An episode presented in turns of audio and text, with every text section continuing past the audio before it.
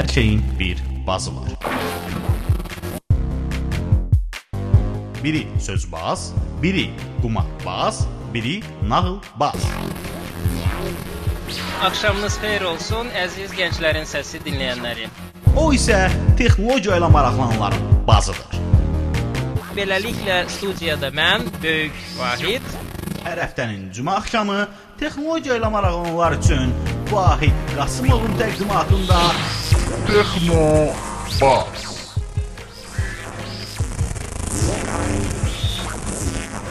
texnologiya ilə bağlı hər şey. Texnobazda. Texnobazda. Salam. Təqvimimiz 31-1-13-ü, yəni zirkalni tarixlərdən birinin sonuna gəlmişik. Həftənin günlərindən cümə axşamı saat 21:15-i göstərir. Deməli CSR FM ünvanında fəaliyyət göstərən Gənclərin Səsi radiosunun efirində Texnobaz verilişidir. Biz bu il ilk dəfə dinləyənlərin nəzərinə çatdırmaq istəyirik ki, Texnobaz texnologiya dünyasına marağı olan sadə gənclərə dünyadakı texnologiyalar barədə ə, ən faydalı və sadə ə, məlumat ə, verən super bir ilk ə, radio verilişik.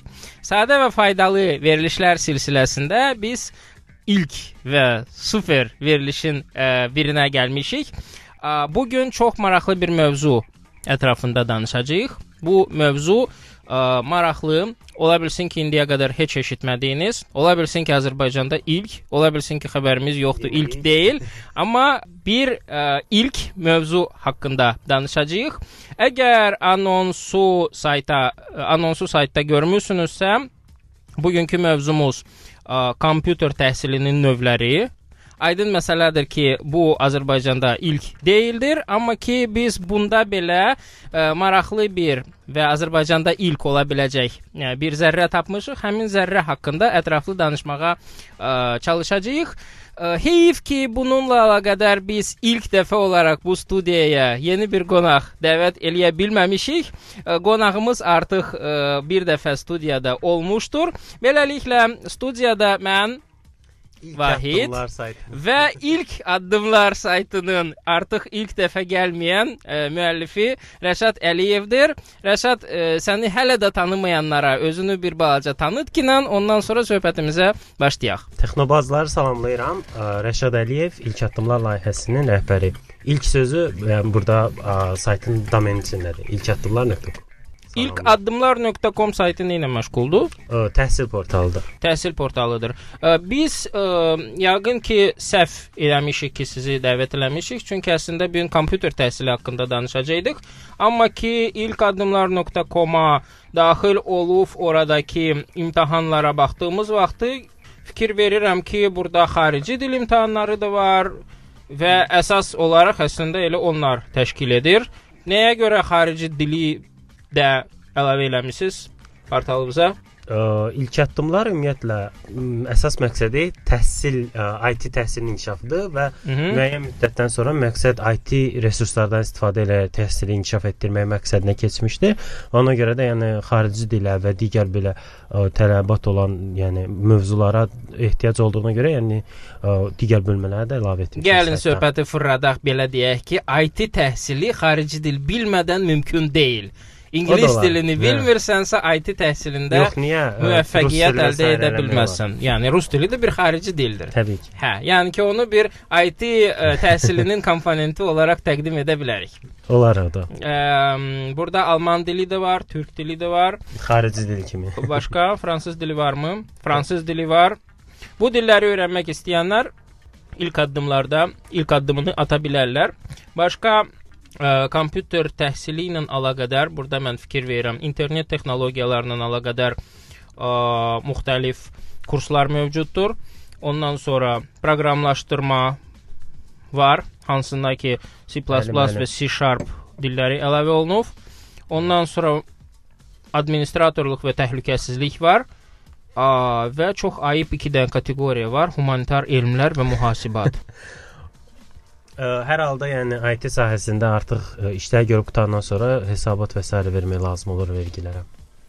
Ona görə də mühasibatlıq və digər belə bölmələr qoymuşuq. Hə, mühasibatları da başa düşdük, amma ki jurnalistika və Jurnalistikada artıq bu verilişdə gəlib iştirak edəndə ən azından sizin nə bildiyinizi və digər belə bu bölmələrlə əlaqədar məlumat lazım olar. Aha. Yaxşı, o hamısını ə, kompüter təhsilinin komponentləri olaraq qəbul edirik. Ə, sayt necə fəaliyyət göstərir? Yəni məndən əslində tez-tez belə bir sual verirlər. Soruşurlar ki, ə, biz filan şeyi öyrənmək istəyirik, hansı kursa gedək? Və mən hər zaman ə, qalıram pis vəziyyətdə, çünki bilmirəm hansı kursu tövsiyə edim. Çünki şəxsən mənim elə bir ə, düşüncəm var ki, əgər adam müəyyən bir ə, kompüter sahəsində müəyyən bir biliyə sahibdirsə, malikdirsə, o ə, həmin sahədə iş görəcək. Kurslarda ə, tədrislə məşğul olmağa imkanı olmayacaq, ən azından vaxt olaraq. Beləliklə, kursda tədrislə məşğul olanlar ə, professional bilikdən uzaq olan insanlardır. Beləliklərdən də ə, nəsə bir şey öyrənmək bir balaca çətindir. Bu nə dərəcədə düzgün düşüncədir və ya Ə, əslində orada yəni bir neçə boşluqlar var. Yəni sizin dediyiniz sizdə. Mən onu niyə gətirmək olar? Məsəl üçün, ə, əgər ekspertsə düzdür, Azərbaycanda çox az saydadır, amma ə, belə bir söz var ki, əgər öyrənmək istəyirsənsə öyrətginə. Yəni ə, digərlərini öyrətmək lazımdır ki, özün də həm də daha çox dərinliyinəcən həmin o biliyin nail olasan. Ona görə də yəni kurslarda və peşəkarların, həmçinin beynəlxalq sertifikat alan və ya digər ə, müəyyən sahədə öz ə, peşəkarların bu sahədə gəlib bizdə ə, tədris deməyə, yəni biz daha çox üstünlük veririk ki, ə, hansı ki ekspert olmayan insanlar gəlsin. Və ə, ilk addımlarda yəni bu yeni açılmış bölmədə Yəni biz həmçində ə, vebinarlar təşkil edirik. Yəni indiki mövzularımızdan biri də elə o vebinarlarla əlaqədar idi. Mən dəvət olunanda o mövzu ilə əlaqədar çağırılmışdım.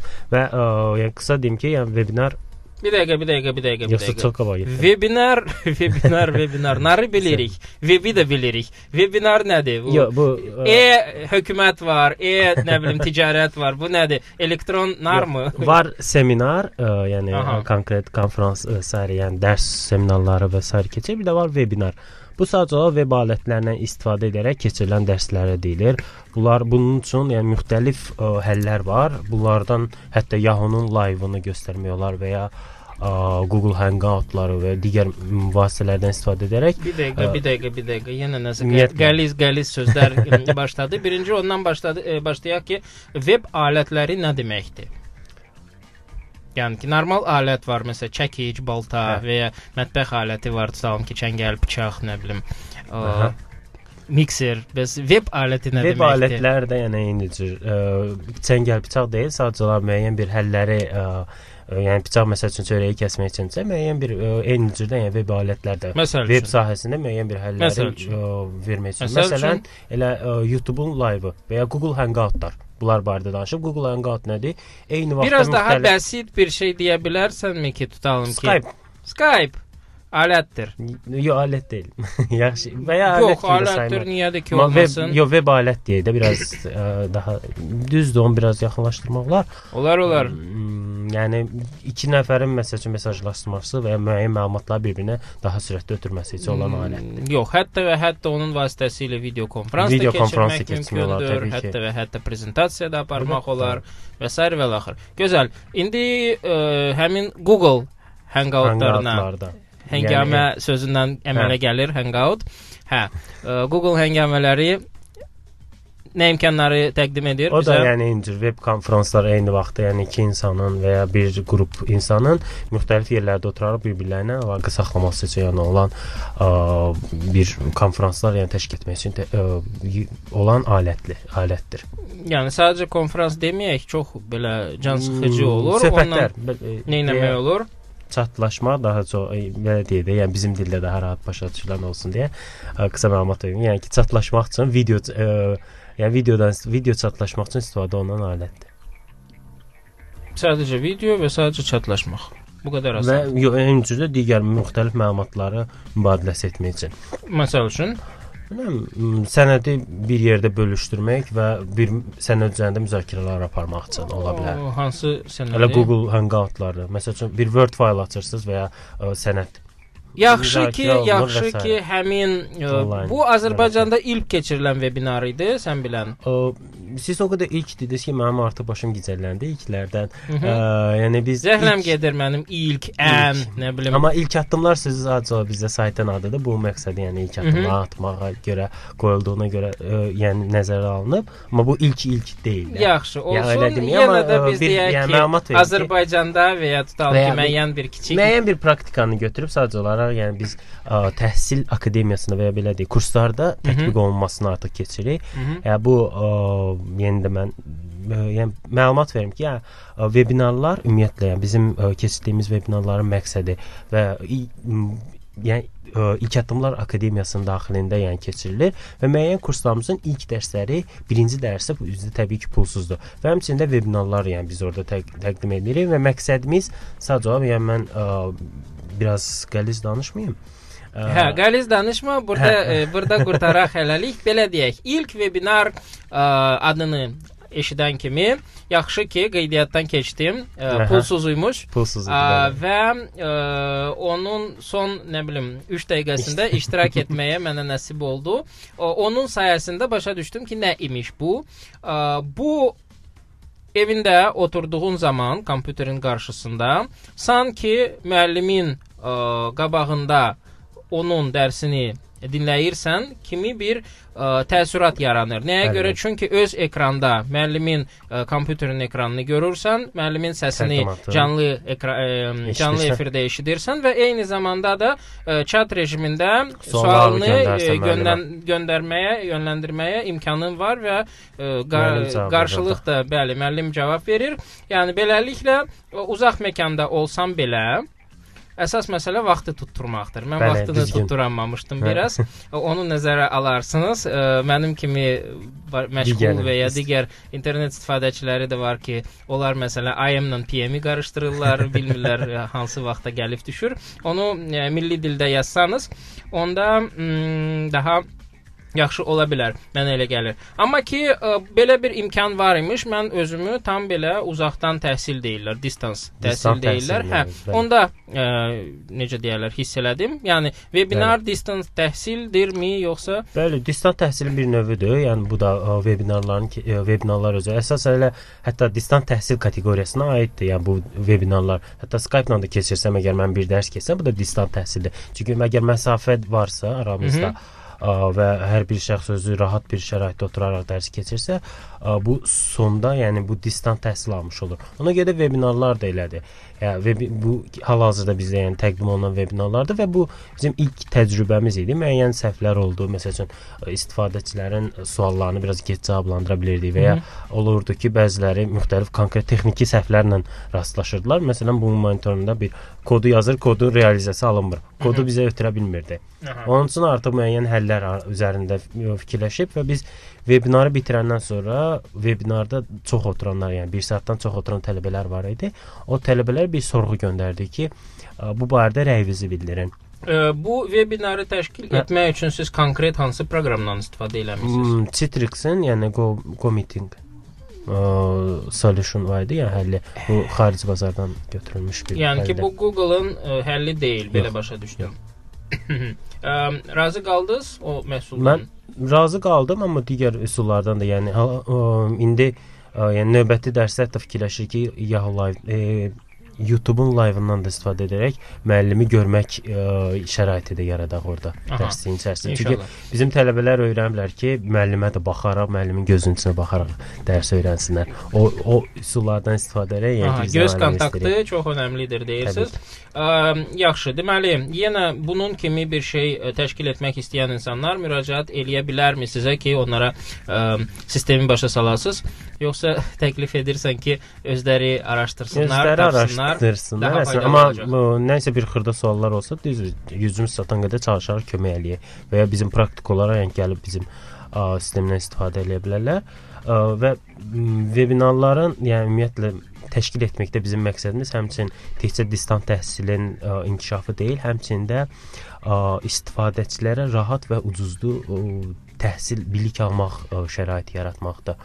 Ə, məsələn bizim düzü sorğu vaxtı da yəni elə bir problemlə yaşandıq ki, biz vebinarların ilk dərsi standart olaraq yəni Azərbaycan qaydaları kimi ilk dərsi pulsuz eləyirik. Növbəti dərslər pullu olur. Və biz vebinarlarda 50% Yəni, çünki ilk dərs onsuz da həmişə mənasız dərs olur. Yox, məlumat verici ə, həmişə ə, dərs olur. Ona görə yəni ilkin addımları atan tələbələr üçün daha faydalı ola bilər olar. Amma yəni növbəti ə, yəni biz hər halda burada Rusiya bazarına baxmışdım. Ruslar daha çox vebinarlarda 30% endirim edirlər. Biz ona baxaraq 50% endirim eləmişdik. Yəni tələbələr yenə də bu 50% endirimdən məsəl üçün kifayətlənmirdilər. Onlar daha çox endirim, hətta 90% endirim olmasını Onda Azərbaycan sayağı eləmək lazım idi. Əvvəlcə qiymətləri 3 dəfə qaldırırsınız, ondan Sonra sonra qiymətləri aşağı 50% endirim eləyirsiniz. Əslində mən onlarla, tələbələrlə tam razıyam. Çünki əgər bir təhsil almaq istəyirsə, sizin sözünüzdə var idi ki, az da olsa, yəni müəyyən məbləğdə pul ödəsinlər ki, onlar 100%. olsun. Və evində oturaraq məsəl üçün ə, 100 manatlıq kurs əgər 10 manata gəlib keçirsə və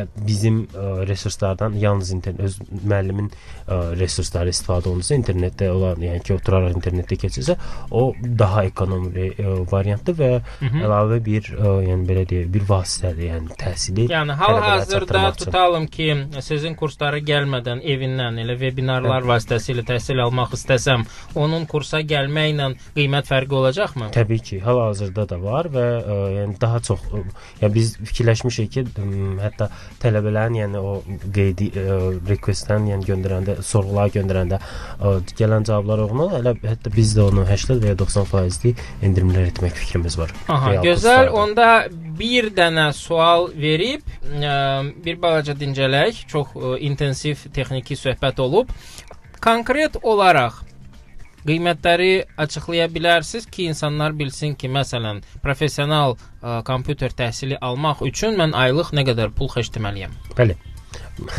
Problem deyil. Bizdə ümumiyyətlə bütün məlumatlar saytda da açıq ə, qoyulub. Kim istəsə kurs.2 addımlar.com ünvanına daxil ola bilər. Məsələn, mən PHP-ni ə, proqramlaşdırmanı, veb PHP-ni proqramlaşdırmanı öyrənmək istəyirəm. Bunun üçün PHP aylıq bizdə, nə qədər? ə, aylıq deyil. Ya da ki, PHP kurs. kursdur. Aha. PHP bizdə 4 levelli kursdur. Bəli. Aa, birinci level təzə yeni başlayanlar üçündür. Burada sadəcə olaraq yəni PHP dövrlər, massiv və s. sessiyalara müəyyən səviyyəcən öyrədilir. Mhm. İkinci leveldə MySQL bazası ilə işləmək, elektron shop, elektron dükanı yaradılması. Mhm. Ə, Üçüncü level məsələn üçün obyekt yönümlü proqramlaşdırma, Mhm. XML və s. daha çətin, yəni ə, bölmədir. Dördüncü levelu artıq ə, gedir ə, repozitori və s. bunlar barədədir. Yəni Mhm. MVS-lər və s. ə, bunlar barədədir. Yəni birinci level barədə qısa məlumat verim ki, hardasa 2 ayı əhatə edir. Ə, Birinci levelin qiyməti ə, bizdə 300 manatdır. Aylıq 150 manata çıxır. Aha, yəni endirimli qiyməti 150 manatdır. Yox, ə, kursun qiyməti 300 manatdır. 2 ay keçilir. Ayda 150 manat çıxır. Amma Aha. endirimli qiymət ə, biz 150 manat qoyduq ora ə, belə deyək, vebinara 150 manata yazılan olmadı, amma planlarımıza görə gələn ay, gələn növbəti ə, PHP level 1 başlasa, onun içərisində yəni qiymətləri hər halda daha ucuz eləyəcək. Aydındır, gözəl qiymətləri nəhayət öyrəndik. Beləliklə gözəl bir mahnıya qulaq asa bilərik. Biraz dincəlin, sonra söhbətimizə davam edək.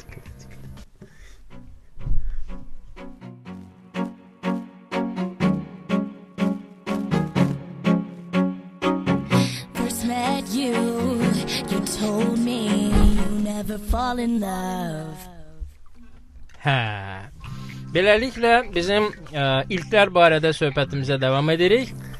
Mən ilk dəfə kompüterlə əlaqədar kurs m, keçmək sevdasına m, vur, yəni necə deyirlər, düşdüyüm zaman, hə, ə, ağlıma bir ideya gəlmişdi. Yəni o hardasa bir 10-15 ilin söhbətidir. Ə, ki Microsoft'un sertifikasiyalı yox, sertifikatlaşdırılmış partnyor yox, partnyoru yox, mühəndisi Mhm. olmaq üçün ə, sertifikasiyadan keçmək istəmişdim. Bəli. Və onunla əlaqədar araşdırma aparmışdım. Onunla əlaqədar araşdırma apardığım zaman dəhşətli bir şey qabağıma çıxdı. Aydın oldu ki, Azərbaycanda bu cür təhsil verən bir dənə də müəssəsə yoxdur. Hal-hazırda var. Ə, Hal-hazırda mən bilən bir neçə dənəsi Yəni var, mövcuddur. var. Onlar kimdir ümumiyyətlə? Um, Softline var, sonra Educat var, bildiyimə görə yəni, tanınmış ə, şirkətlərdən. Onların arasında hansı məsləhətlidir? Demək hamısı yoxsa- standa eyni standartla keçirlər və Microsoft həmçində bu saat hal-hazırda, yəni eyni cür distant tə e, m, distant təhsildən danışırdım, ona görə yəni mövzu onun üzərində qalmışam. Microsoft hal-hazırda IT akademiyalarla da məşğuldur və ilk olaraq ə, Memarlıq və İnşaat Universitetində ilk Microsoftun IT akademiyası açılıb. Hı -hı. Ə, yəni eyni cürdə digər universitetlərlə də hal-hazırda söhbətlər gedir və digər universitetlərdə də yəni ə, IT Onlar artıq akademiyalarının ilk aparılması olmayacaqlar. Təbii ki, ümumiyyətlə ilk deyillər və ilk olanlar, yəni bir ə, universitetlərdə açılanlar, ə, universitetlərdə açılanların məqsədi ə, universitetlərdə açılanların məqsədi ə, sadəcə olaraq yəni ə, tə, tələbələrə təhsil verməkdir və bu biznes yönümlü deyil. Hı -hı. Biznes yönümlü olanlarsa bu Softline və Educat və digər belə bu bu cür Buradakı yəni bu cür kursların Microsoft mühəndisi olmaq üçün bu cür kursların qiymətləri nə qədərdir? Xəbərin varmı? Hmm, Yox, onlar barədə dəqiq məlumatım yoxdur. Mən Amma bildiyim görə çox bahal yəni, Öyrənmişdim, yəni ki, hardasa intensiv kurslar mövcud idi. Hardasa e, 8 gün və ya 10 Hı. günlük kurslar. A, yəni belə deyək, sıfırdan insanlar aydın məsələdir ki, ora getmirdi. Onların level Müəyyən bilgiləri level yox olmalıdır. idi. Bu Aha. konkret bir professional kurslar idi və o vaxtda qiymət hardasa 700-800 dollar idi həmin bu 10 günlük kurs üçün. Hərçənd ona imtahanda daxil idi. İmtahan vermək də yəqin ki, pulsuz, yoxsa pulludur? M, Əslində əgər sən özün ekspertsənsə, yəni onu müəyyən bir mövzu üzrə oxumusansa, Hı -hı. gəlib orada imtahan vermək onda pulludur. Əgər kursu bitirmisənsə, onda yəqin ki bu pulsuzdur. Onun üzrə kursun daxilindədir, o paketin içindədir yəqin. Microsoftun imtahanlarından Program- başqa belə deyək də IT sahəsində başqa hansı sertifikasiyalar çox var. mövcuddur, hansıların ki ağırlığı var. Web sahəsində deyim, Certified Internet Webmaster var. Hı -hı. Chief gedir adı. Ə, Bu daha çox tanınmışdır. Sonra ə, elə ə, məsəl üçün sonra Zendin var, PHP üzrə Hı -hı. sertifikatlaşdırma.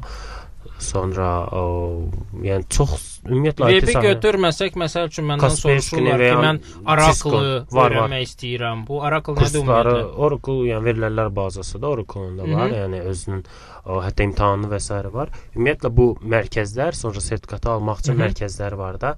Bunlar çox vaxtı o, prometrikdir. Bir də biri də var, yadımdan çıxdı.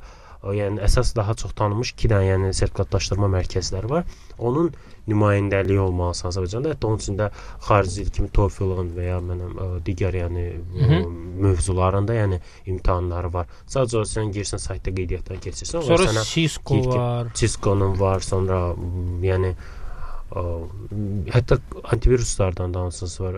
Kompüter təmiri üçün mənim Compt Plus nə belə bir şey var. Aha. Bu cür bu cür sertifikasiyaları, daha doğrusu bu cür ə, kompüter sahələrini ilk addımlara əlavə etmə fikirləriniz var, yoxsa Hmm, var. Əslində hal-hazırda yəni onun üzərində danışıqlar aparılır və biraz biz öz ə, yəni bizdə hal-hazırda ilk olaraq Microsoftla söhbət danışıqlar aparılır Aha. və bizim planlarımıza görə müəyyən bir müddət lazımdır ki, yəni bizdə o sahədə ə, Microsoftun sertifikatı olan yəni təlimçimiz yoxdur hal-hazırda əslində.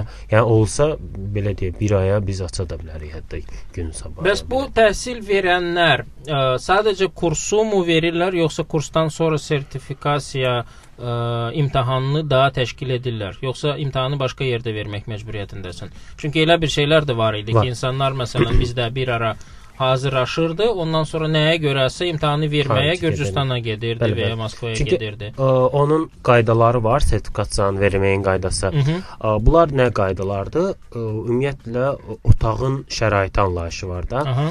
Ə, Otağın şəraiti müəyyən bir şərtlər ödəməlidir ki, kon o, konkret yəni internetin sürəti, sonra orada m, videonu izləmə, şəbəkə infrastrukturu, hətta kompüterlə otaqda Wi-Fi-nin olmaması və s. belə bu cür limitlər var. Ümumiyyətlə imtahan vermək üçün otaqlar. Düz Azərbaycanda artıq otaqlar açılıb Hı -hı. və hal-hazırda yəni istənilən bir çox mövzuların ə, sertifikatlaşdırma imtahanı Azərbaycanda bir yəni çox universitetlər, ə, çox mərkəzlərdə vermək olar. Hı -hı. Və bunun üçün də sadəcə olaraq yəni girsən onlaynda qeydiyyatdan keçərək, yəni o o mərkəzlərdə məsəl üçün PHP almaq istəsənsə girirsiniz, saytda ya, sizə yaxın olan bir mərkəz tapıb ə, oradan gedib rahatca imtahanı vermək olar. Aha. Və Azərbaycanda bu düzdür, onlarla deyil, cəmi 3-4 maksimum, yəni Məncə belə sertifikatlaşdırma mərkəzi var. bəsdir, Yəni. Çünki Yəqin ki, sertifikat almaq istəyənlər belə növbəyə durmur imtahanı vermək Hmm, Xarici üçün. dili nəzərə almasaq sizinlə razıyam, amma daha çox hal-hazırda yəni sertifikatlaşdırma mövzularına ən çox TOEFL imtahanlarıdır. -hı. Özünüz də bilirsiniz ki, Amma xarici dil üçün mən bilən Və- universitetlərdə də tutalım ki, Var. laboratoriyaları istifadə etməklə bu cür beynəlxalq mərkəzi olduqlarına görə, Aha. beynəlxalq yəni standartları ödədiklərinə görə o, e, o imtahan vermək e, otağı, Hı -hı. o, hətta yəni o otaqda dərs keçirilməməlidir. Belə şərtlər də var da. Test olunan imtahan, Aha. olan imtahan, o yəni test otağında o, yəni o şərtləri ödəyən otaqlar olduğuna görə artıq yəni o, bir neçə universitetdə bizdə var Azərbaycanda. Hı -hı, çox gözəl. E, belə bir şey e, soruşum. E, ümumiyyətlə kurs nə qədər və ya nə dərəcədə e, real bilik verir insana? Məsələn, mən hal-hazırda gedib sizin e, C# proqramlaşdırma Hı -hı. kursuna yazılsam, e, məzun olduqdan sonra məni məsələn hansısa kompüter şirkətinə proqramçı olaraq işə götürəcəklərmi?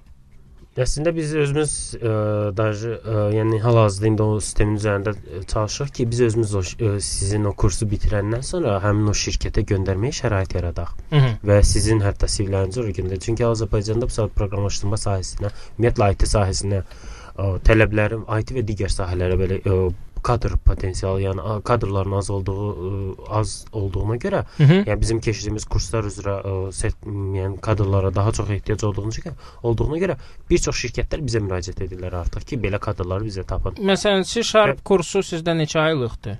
O C Sharp-ın hal-hazırda bildiyimə görə kursu yoxdur. C++ var bizdə orada. Kurslarda. saytda C# var. Proqramlaşdırmada da C++ var. Olsun C++. C++ O, orada elə saytın özündə yəni yazılıb. Bildiyimə görə 2 aylıq kursdur. Adil Əliyev deyir onu bizdə. Yəni universitet müəllimlərindəndir bu. Bakı Dövlət Universitetinin müəllimidir hal-hazırda. 2 aylıq kurs. 2 ay ərzində insan tamamilə sərbəst C#da istədiyi proqramı yaza bilir. Üm- Ümumiyyətlə sərbəst heç kim yəni müəyyən bir şey bitirəndən sonra sərbəst gəlib yaza bilmir. Ən azından belə deyək, sizə necə deyim, yəni ilkin ə, biliklər verilir. Orada səviyyə anlayışlarda tutalım ki, PHP üçün demisiniz ki, bizdə 4 dənə level 4 var, hərəsi birinci 2 level sayılır. Ha. Ə, Tutalım ki, Amma yəni PHP kimi Yenə də o ki, kifayət qədər ə, O bəsit insan belə deyək, yəni- əgər 8 ay ayrılırsa. C++-ı 2 ayda bitirmək Təbii ki, mənim üçün yəni- biraz o tam bitmir. Ə, Hə, əlbəttə bu kursu bitirən adam gedib sabahlara ə, olimpiada məsələləri və ya müəyyən bir ə, böyük bir şirkət üçün olan məsələni həllini eləyə bilməyəcək. Hı -hı. Ən azından biz buna ə, ilkin məlumatlar veririk və ya bu bilmirsə biz ona məsəl üçün ə, müəyyən ə, tiplər və s. bunlar barədə məlumat veririk.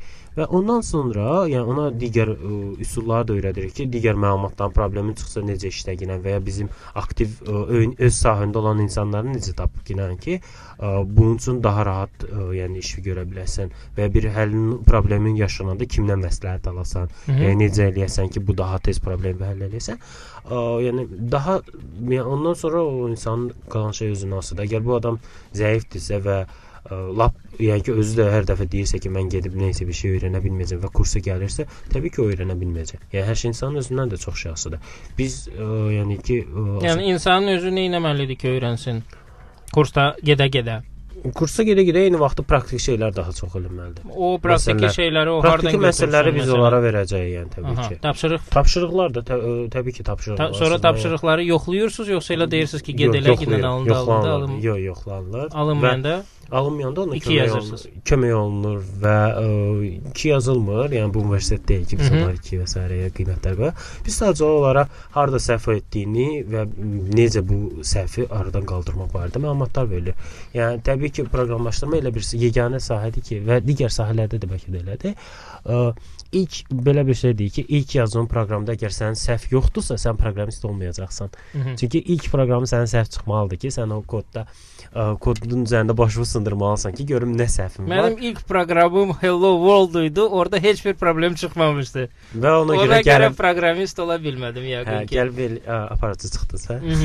Hə, ə, belə bir sual. Ə, PHP kursuna hal-hazırda sizin neçə nəfər tələbəniz var? Yəni ki, qruplarda adətən neçə nəfər? Qruplarda minimal və maksimal limit anlayışı var Hə, bizdə. minimal limit ə, M, di- və onlar əl- barədə yəni Məsələn, maksimum neçə nəfər ola bilər? m, hamısı yəni müxtəlifdir sadəcə olaraq. Yəni təbii ki, level ə, Maksimum.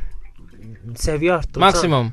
Vahid müəllim, səviyyə artdıqca, yəni ki, bu siz eynisiniz deyirsiniz təkrar edəcəm. Səviyyəsi artdıqca kursun və o təbii ki, çətinləşir. Ona görə də bizdə get-gedə tələbələrin sayını azaldırıq və bunlar barədə bütün Yəni maksimum nə qədərdir ki, onları sonra azaldırsınız? Sayta girin, yəni özümün də dəqiq yadımdadır. Saytda biz də onlar onlar barədə ətraflı məlumat yazmışıq. Yəni minimal tələbə limiti nə qədərdir və maksimal tələbə limiti nə qədərdir? Təxminən maksimum nə qədərdir? Hmm, Təbii ki, otaq nə qədər tələbə tutursa o qeyd eləyirik. Otağınız nə Və- qədər tutur? Ə, yəni siz mənim yadımda deyil, Maksimum tələbə limiti 8 yazılır Sö- saytda. 8 Sö, yazılır. 8 Demək -dir. 8 Hə, nəfər. yəni bu rəqəmi Təbii eşitmək ki. istəyirdim. Hə. Hə, belə bir şey olsa, bir nəfər gəlib ümumiyyətlə heç nə bilmir və yaxşı götürməyən tələbədir. Mhm. Yəni buna nə söz deyək? Hə, biri də gəlir ki, çox yaxşı götürən, Aha. çox sürətlə qabağa gedən, Mhm. evində də e, işləyən və s. Yəni ə, kursda Hı. başa salma hansına görə olacaq? Təbii ki, Ağıllıya görəmi, yoxsa Hmm, çox yaxşı başa kursun düşməyənə görə? proqramına görə başa salınır. Kursun Mhm. proqramına görə başa salınır. Əgər ə, eyni cür, yəni ki, çətinlik çəkən tələbələr çoxsa və bir dənə daha yaxşı bilən tələbə varsa, həmin o tələbəliyə deyirik ki, anda yəni ki, çətinlik çəkən, yox, Yox. çətinlik çəkən tələbəyə köməklik elə. Aha. Bir-birinə Mən, mən birincisi elə bu bildim deyəcəksiniz Yox. ki, 2 dəfədən bir gəlginə. bu birincisi ə, elə şey ola bilər ki, tələbə ə, bizim keçdiyimiz kursda bilməsin. Mhm. Yəni ki, nə olsun super bilir və s. belə şeylər. Elə dərslər, mövzular var ki, o tələbə bilməyə bilər. Aha. Və ya ə, yəni ki, bilir, tez qavrayır. Tez qavrayırsa, yanında gec qavrayan tələbəyə kömək eləsin. Biz də digər orta səviyyədə bilənə kömək edirik və beləcə ə, tədris proqramının yəni ki, sistemi ilə gedir. Yəni bu normal həldir və yəni bütün praktikalarda. Axırda imtahan olurmu? Bəli, ə, yəni İlk Addımlar Akademiyasında ümumiyyətlə İmtahandan keçməsəm. Ə, imtahanı bitirən, ə, yəni biz ə, yəni sizə onu necə deyim, Microsoftda da bildiyimə görə elədir. Yəni standart olaraq yəni 2 dənə sertifikat veririk biz. Aha. Biri ə, kursu bitirməsi barədə. Aha. Yəni sadəcə o gəlib oturub Kursu dinləmişdir. dinləmişdir, Hı -hı. bəli. İkincisi isə o imtahan verir, imtahanın nəticəsi barədə. Bəs Əgər yaxşı. imtahandan keçmirsə, onda sertifikat və ikinci sertifikat verilmir ona. Əgər imtahandan keçib müəyyən levela, ə, səviyyə, ə, yəni səviyyə müəyyən bir səviyyədə ə, sertifikatın olursa, problem deyil, o sertifikatı ya verilir ona. Yəni o Onun barədə kursu internetdə məlumat dinləmişdir sertifikatı bir işə yarayırmı? Yoxsa Aa, elə belə universiteti adamın təmkini üçün ki, hə, sən 2 Hə. ayını sərf Hə, eləmisən. şirkətə əgər işdən göndəriblərsə, o yəni ki, təbii ki, o əgər sertifikata görə gəlsə, təbii ki, o yəni ki, onun üçün sadəcə dinləyici sertifikatı kimi o onu istifadə edə bilər. Ən Yəni azından elələri olurmu ümumiyyətlə təcrübədə ki, gəlib dinləyirlər, ondan sonra deyirlər keçmək lazım deyil, mən imtahana girib eləməyəcəm. yox, olmayıb imtahana girməsinlər. Hı -hı. Ə, çünki yəni biz deyirik ki, yəni vacibdir. Çünki yəni pulsuz da imtahan deyirik ki, gir oradan şansı yoxla. Vaxt itirmək istəmir. Vaxt itirmək yəni evindən də Deyir gedib ki, mən bilirəm. verə bilərsən. Bilirsən, Mənə onda biz sənə dinləyici imtahan. sertifikatını verəcək. Aha. Yəni ən azından yəni bir verilir. Ya o əgər özü ə, o qədər təkid, ə, yəni təkid edirsə ki, hə mən istəyirəm, istəmirəm bunu, ə, sə ikinci sertifikatı normal şeydir. Yəni Bəs e, yaxşı, imtahana girib kəsilənlərin e, faizi nə qədərdir? verilmir. Ə, az olur. Hər halda yəni im, o im, kursa girməmişdən qabaq və kursu bitirəndən sonra ilə müqayisədə ə, yəni o kifayət qədər nəticə əldə etmiş olurlar bu tələbələr. Biz çalışırıq ki, tələbəyə yəni ə, daha çox can yandıraq ki, o nəticə əldə etmiş olsun. Yəni ki, suallarınız asandır imtahanınız. Yox. İmtahan asan deyil. Ə, yəni imtahan asan deyil. Yəni belə deyərəm, amma ə, yəni biz imtahanın mövzusu ətrafında, yəni dərsi keçirəndə, yəni hər halda dərsi hazırlayanda biz imtahanın suallarını qabaqcadan Yox. verirsiniz. dərsin sadəcə o dərsi imtahanın ə, yəni ümumiyyətlə dərs proqramı qurulanda bizdə eyni vaxtda onun imtahan sualları da hazırlanır. Hı. Və imtahan sualları da bizdə saytda yerləşdirilir. Ümumiyyətlə kompüterin hansısa sahəsində ə, imtahan sizdə test üsulu ilə gedir də yəqin ki. Hə. Test üsulu ilə keçirilən imtahanlar nə dərəcədə effektivdir?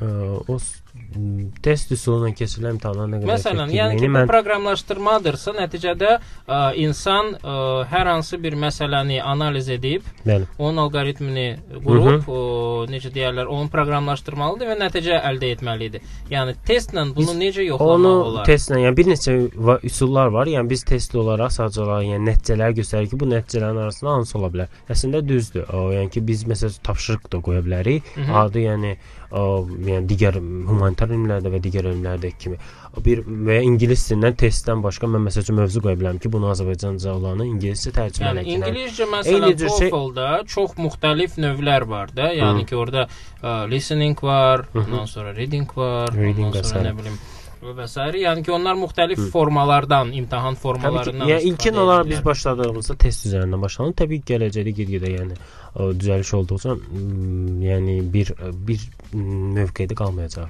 Yəni hər halda kursun tez bir zamanda başlayıb və vebinara keçməyi Hı -hı. bu bizim o, daha qabağa getməyimizi göstərir və biz yəni durmaq istəmirik yerimizdə. Yəni yəni ki, daha yeni texnologiyalardan və ya müasir hətta müəyyən vaxtdan sonra ola bilər ki, biz mobil ə, üsullardan istifadə edərək, yəni tədrisi keçək. Ə, dinləyicilərimizdən indiyə qədər sualın gəlməməsini mən ona bağlayıram ki, mövzu o dərəcədə maraqlıdır ki, onlar sadəcə dinləməkdən ayırmaq istəmirlər ki, sual versinlər və biz o Təhsil dərəcədə sahəsi o dərəcədə gözəl başa salırıq ki, artıq suala heç bir ehtiyac qalmır və mən əminəm ki, bundan sonra ilk addımlarda siz qrupların maksimum dinləyici sayısını artırmaq məcburiyyətində qalacaqsınız. Təhsil sahəsi sayını- normaldır. Yəni təhsil sahəsi həmişə ə, əyləncə sahəsindən az maraq olur. Yəni biz gücümüz çatan qədər Mənə çalışırıq. elə artıq. gəlir ki, o maraqdan deyildir. Çünki dediyim kimi son zamanlar ə, gələcəyini düşünən ə, tələbələrin sayı heç də az deyil Bəli, və bəli, çox onlar az. adətən o adətən gələcəyini razıyam. fikirləşməyə başlayıblar. Artıq dərk ediblər ki, hər şeyi həll edən pul deyil, Hı hı. arada bir biliyə də yiyələnmək lazımdır və bunun üçün də universitetdə aldıqları təhsil kifayət gəlmir və ən böyük problem də Azərbaycan dilində kitabların Olmaması. olmamalıdır. Siz saytınızda müəyyən materiallar yerləşdirirsiniz Bəli, bəli. Azərbaycan dilində. Bəli.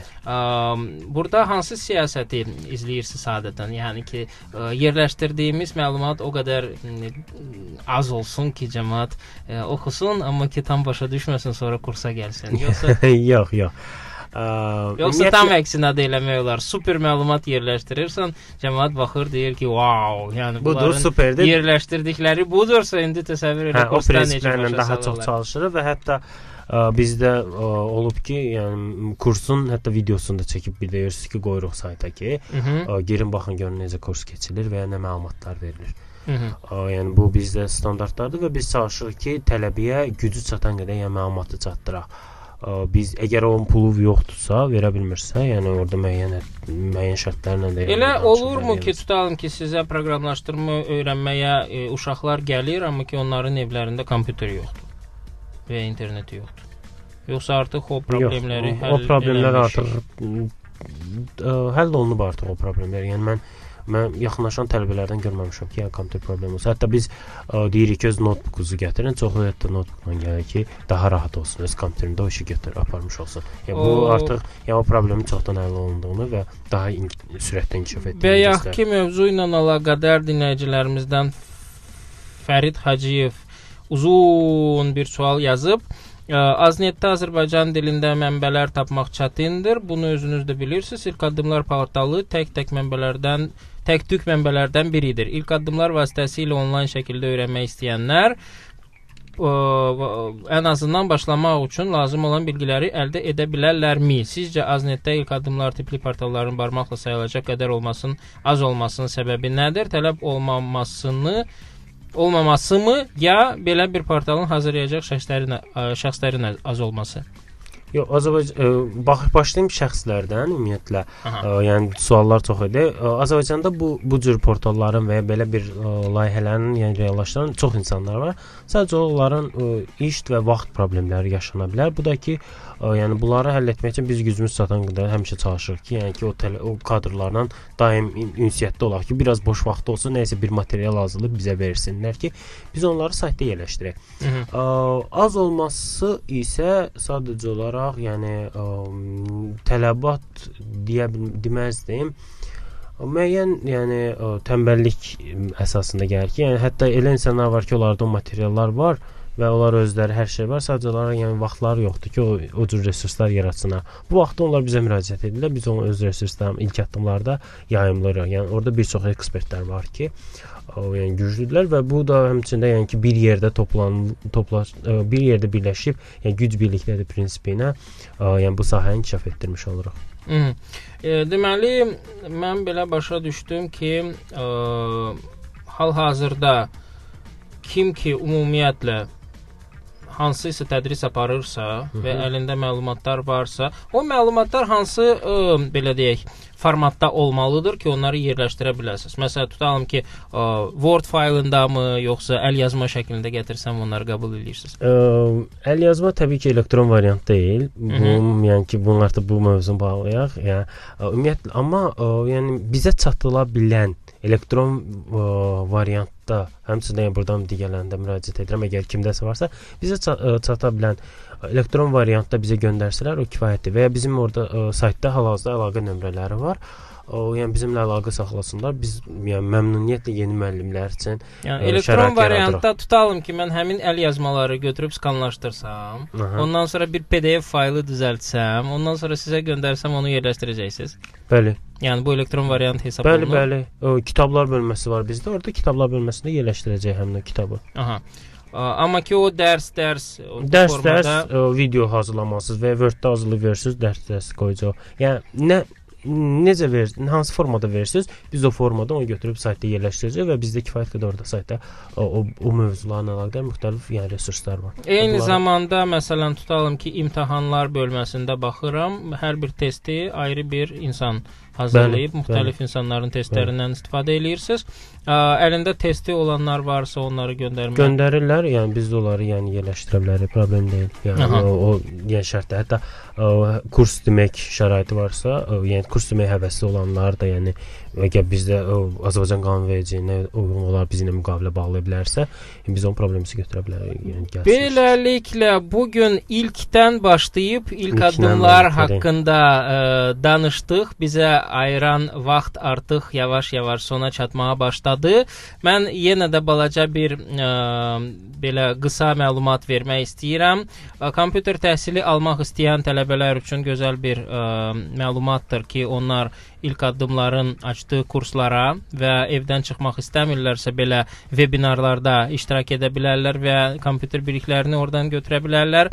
Ə, Universitetdə və məktəblərdə ə, e, və digər kurslarda ola bilsin ki, kompüter tədrisi verən müəllimlər üçün məlumatdır ki, onlar öz ə, e, tədris materiallarını, hətta suallarını, bəli, ə, e, həmin saytda yerləşdirə bilərlər və beləliklə bütün hər kəs üçün yaxşı olacaq. Bütün hər kəs üçün bu ilk dəfə olmasa belə ə, biz yenə də ə, faydalı bir veriliş keçirmiş olduq. Hmm, Gələn görüşlərədək Sağ olun. Sağ olun.